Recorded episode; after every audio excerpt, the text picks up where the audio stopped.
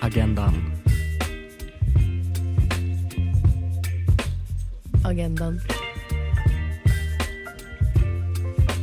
Agendaen. På Radio Nova. Hei, og takk for at du hører på denne episoden av Agendaen. I dag så skal du få en serieanbefaling av meg, Melinda, og jeg har tatt med min gode Nova-kollega og stemmeskuespiller Stian. Hei, hei. Tusen takk for at jeg får være med. Jeg heter eh, Stian Henriksen. Jeg er med på både Skumma kultur og Snålt snop og spill her på Radio Nova. Jeg tok med meg Stian fordi det var han som anbefalte meg denne TV-serien som vi nå skal anbefale videre. Det er TV-serien The Owl House, eller Uglehuset, som den heter på norsk. Serien har to sesonger tilgjengelig på Disney Pluss, og det er en tredje sesong som skal komme etter hvert. I The Owl House møter vi den bifile tenåringsjenta Luz, som tilfeldigvis snubler over en portal til en magisk ny verden. Her blir hun venner med den opprørske heksa Ida og den nusselige lille demonkrigeren King. Til tross for sine manglende magiske evner, så følger Lus drømmen sin om å bli en heks ved å tjene som Idas lærling i The Owl House. Stian, hvorfor er du så tilhenger av å gå rundt og anbefale denne serien til alle du møter? Oh, oh, nå spør du godt. Um, for det første er det jo en fantastisk serie i seg selv. Um, historien er nydelig, animasjonen er fantastisk. Og det som gjør meg litt ekstra glad, er at dette er for meg det riktige steget mot framtida innenfor representasjon. For Owlhouse er så rik på representasjon på en fenomenalt god måte. Hovedpersonen Luz er som sagt bifil, og uten å avsløre for mye, så blir vi også godt kjent med en lesbisk karakter. I sesong to møter vi Rain, som skaper historie med å være Disney sin aller første transkarakter og ikke-binære karakter. I tillegg til at kjønns- og seksualitetsmangfold blir representert av hovedkarakterene i serien, finner vi mye representasjon også i bakgrunn av der hovedhistorien utspiller seg. Og hvordan denne serien representerer kjønns- og seksualitetsmangfold, gjøres på en måte som vi ikke ser så altfor ofte. I motsetning til det vi kanskje savna litt i vår romcom spesial som vi ga ut eh, rundt Valentines, hvor vi etterlyste serier og filmer som har skeive plott uten å gjøre det til en sånn stor greie. Problematisere det. Og at hele utfordringen er at uh, samfunnet rundt kanskje ikke godtar det. Hvordan forholder Alhouse seg til dette, da? Nei, det som er så unikt eh, med Owlhouse, er at de holder seg veldig passivt rundt det. Som er veldig forfriskende å se. Eh, karakterer kan være i bakgrunnen. Vi har eh, hva, hva heter det på norsk? Et ball. Det er en ballscene kalt, eh, i episoden kalt Grom. Der vi annet kan se bare i bakgrunnen så står det to eh, gutter og danser sammen. Og flere andre steder kan man se i bakgrunnen eh, både to jenter som holder hender. Og det er så utrolig rikt mangfold både i forgrunn og i bakgrunn i løpet av serien. Mange av karakterene som er hovedkarakterer, er både ikke-binære, flere av de som er enten bi eller lesbisk eller homofil. Og i serien så blir dette aldri problematisert. Nei. Og det ser vi jo kanskje ja, nei, Som du sier, det er mange eksempler på det, men et av de tydeligste er vel kanskje hovedkarakteren sitt uh, tilsynelatende lesbiske forhold. Og det blir aldri problematisert. Aldri. Og hvis det først er noe problematisk i det forholdet, så er det sånn klassisk forholdproblematikk. Ja. Og de er veldig gode på å prate sammen. Og finne en løsning sammen i det forholdet. Det har ingenting med at de begge to er kvinner å gjøre. Nei. Og det er veldig deilig å se. Utrolig. Det er altfor sjelden man ser det. Men tenk at det var Disney som skulle gi oss dette. ja, altså Det er jo utrolig bisart. Og de har jo hatt en klagestorm de luxe ja. rundt dette. De kansellerte jo egentlig sesong tre. Eh, men det har blitt brakt tilbake etter at eh, det offentlige publikum lagde svære kampanjer om å få tilbake The Owl House. Dette er ikke greit. Til tross for kanselleringen og at visse ledere i Disney forsøkte å få Dana Terrence til å gjøre serien mindre skeiv, så sto hun på sitt. Dana har uttalt at hun ville lage en serie med en åpen bifil-karakter, fordi hun aldri så seg selv representert i en serie som barn. Og med seg på laget har hun også skeive manusforfattere og stemmeskuespillere. Og sammen så har de jobbet hardt for å skape den serien som vi ser i dag. De som har laget det, er jo um, Dana Terrace.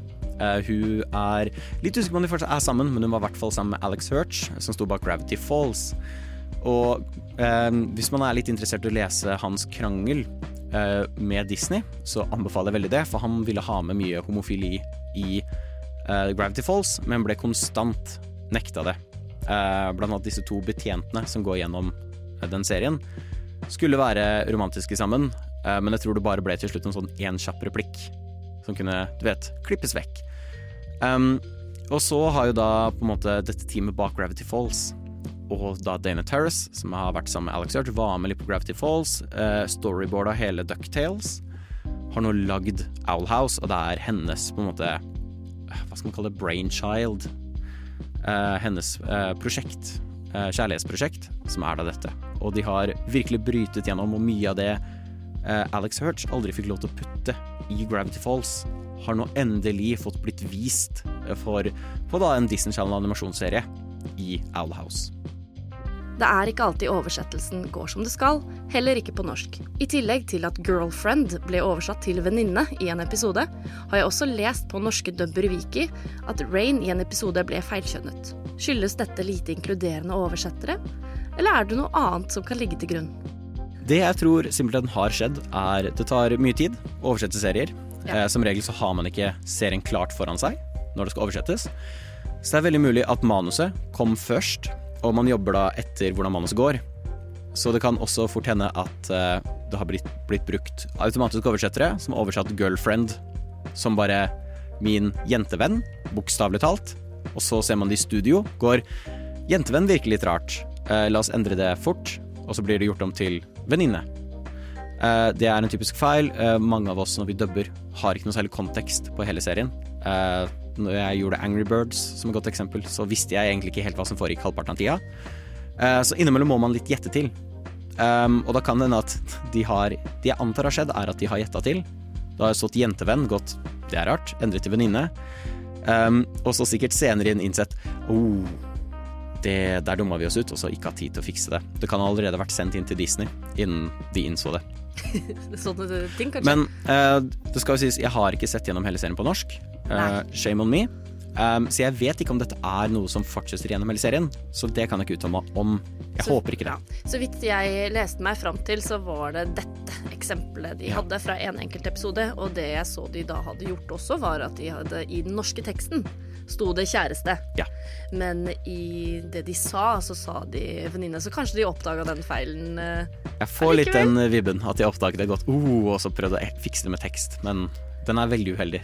Vet du om dette er et problem som kan gå igjen, og som kan skape problemer med sånne skeive serier? Uh, oh, nå spør du godt. Uh, jeg vil jeg, Nummer én, jeg håper det ikke. Nei. og jeg tviler på, med tanke på ting som skjer videre i Owl House, så tror jeg ikke dette kommer til å skje i sesong tre. Um, men det er jo på en måte et problem når man jobber på en uh, ganske kjapp deadline. Uh, ting skal gå ut fort. Du har gjerne kanskje 100 replikker du skal si i timen. Uh, men det har jo skjedd at uh, ting som vi får på manuskriptet, gir null mening i kontekst. Og enten så er man heldig, plukker opp der og da, fikser det, eller så innser man det etterpå. men forhåpentligvis så håper jeg de passer ekstra på at det ikke skjer når det kommer til skeiv representasjon. Det er noe vi som seere kan i hvert fall ha med i bakhodet hvis vi kanskje stusser over en oversettelse en gang, ser at uh, dette passet jo ikke helt inn. Uh, at det kan rett og slett skyldes uh, nettopp det. Ja, det er mye elementer som kan gå feil. Nå har du egentlig fått med deg hele vår anbefaling, men det er et par ting til som Stian og jeg gjerne vil prate om. Dersom du ikke har sett serien ennå, så vil jeg anbefale deg at du ikke hører slutten på denne episoden. For herfra og ut så vil det komme noen spoilere for slutten av sesong to. Dette er jo lagd for å vise fram mangfoldet. Og et godt eksempel på dette, og det er stor spoiler. Uh, ja, pass på. Pass på. Uh, se Owl House før denne delen. Skal vi gi dem fem sekunder på å trykke pause, kanskje? Ja. Uh, man tar ut telefonen, finner ikke pauseknappen. Å nei, hjelp, jeg vil ikke høre dette, for du må se Owl House. Ah, men okay. nå har du kanskje klart det, så da, Der, nå, kom, nå, nå, kommer det en spoiler. Nå kommer du forhåpentligvis tilbake etter å ha sett hele Owl House sesong 1 og 2. Hei, hva syns du? Um, forhåpentligvis syns du det var bra. De kysser. Ja, ikke bare en sånn liten smask på kinnet. Nei. Nei, nei, nei. ordentlig kyss. Uh, da disse to hovedkarakterene, Uh, Amity og Louise. Og det jeg la merke til der, er at det er animert ekstra, ekstra godt. Eh, som filmkvalitetsanimasjon. Det er dyrt. Ja. Jeg tror 100% de gjorde det, for de visste hva de gjorde. Dette var en tydelig sånn Dette kommer til å være et historisk øyeblikk når det kommer til animasjonsseriehistorie. Dette skal vi gjøre ordentlig. De har laget det for at dette skal klippes inn i, historiske montasjer i framtiden. for å vise dette var den første serien som gjorde det ordentlig. Mm. Det, er, det er veldig den viben jeg fikk som det her er viktig. Dette skal vi ikke gjøre noe feil på. Alt skal være perfekt. Og det oppsummerer jo egentlig ganske greit hva både du, Stian, og jeg, Melinda, syns egentlig om The Owl House. Uglehuset på norsk ligger på Disney pluss. Det er viktig. Det er genuint, og det er troverdig og bare utrolig søtt og koselig. Åh, tar opp så Og mange, veldig, tar opp så mange nydelige temaer. Og nå er det to sesonger eh, på norske Disney pluss, i hvert fall. Men det kommer en sesong tre. Sesong tre er underveis. Er det siste? Ja, da er, men det var meningen nå, så Ja. har ikke blitt kansellert igjen. Nei, heldigvis ikke. De ble tatt opp igjen, fikk fullføre sin eh, siste, tredje og siste sesong. Jeg gleder meg masse til den kommer på Disney pluss. Samme her. Jeg håper du som hørte denne episoden av Agendaen sin anbefaling, også bare slukte denne serien. For jeg håper jo, hvis du har kommet hit, at du så disse to sesongene eh, under vår fem sekunders pause. Eh, Tusen takk for at du hørte på, og så høres vi igjen.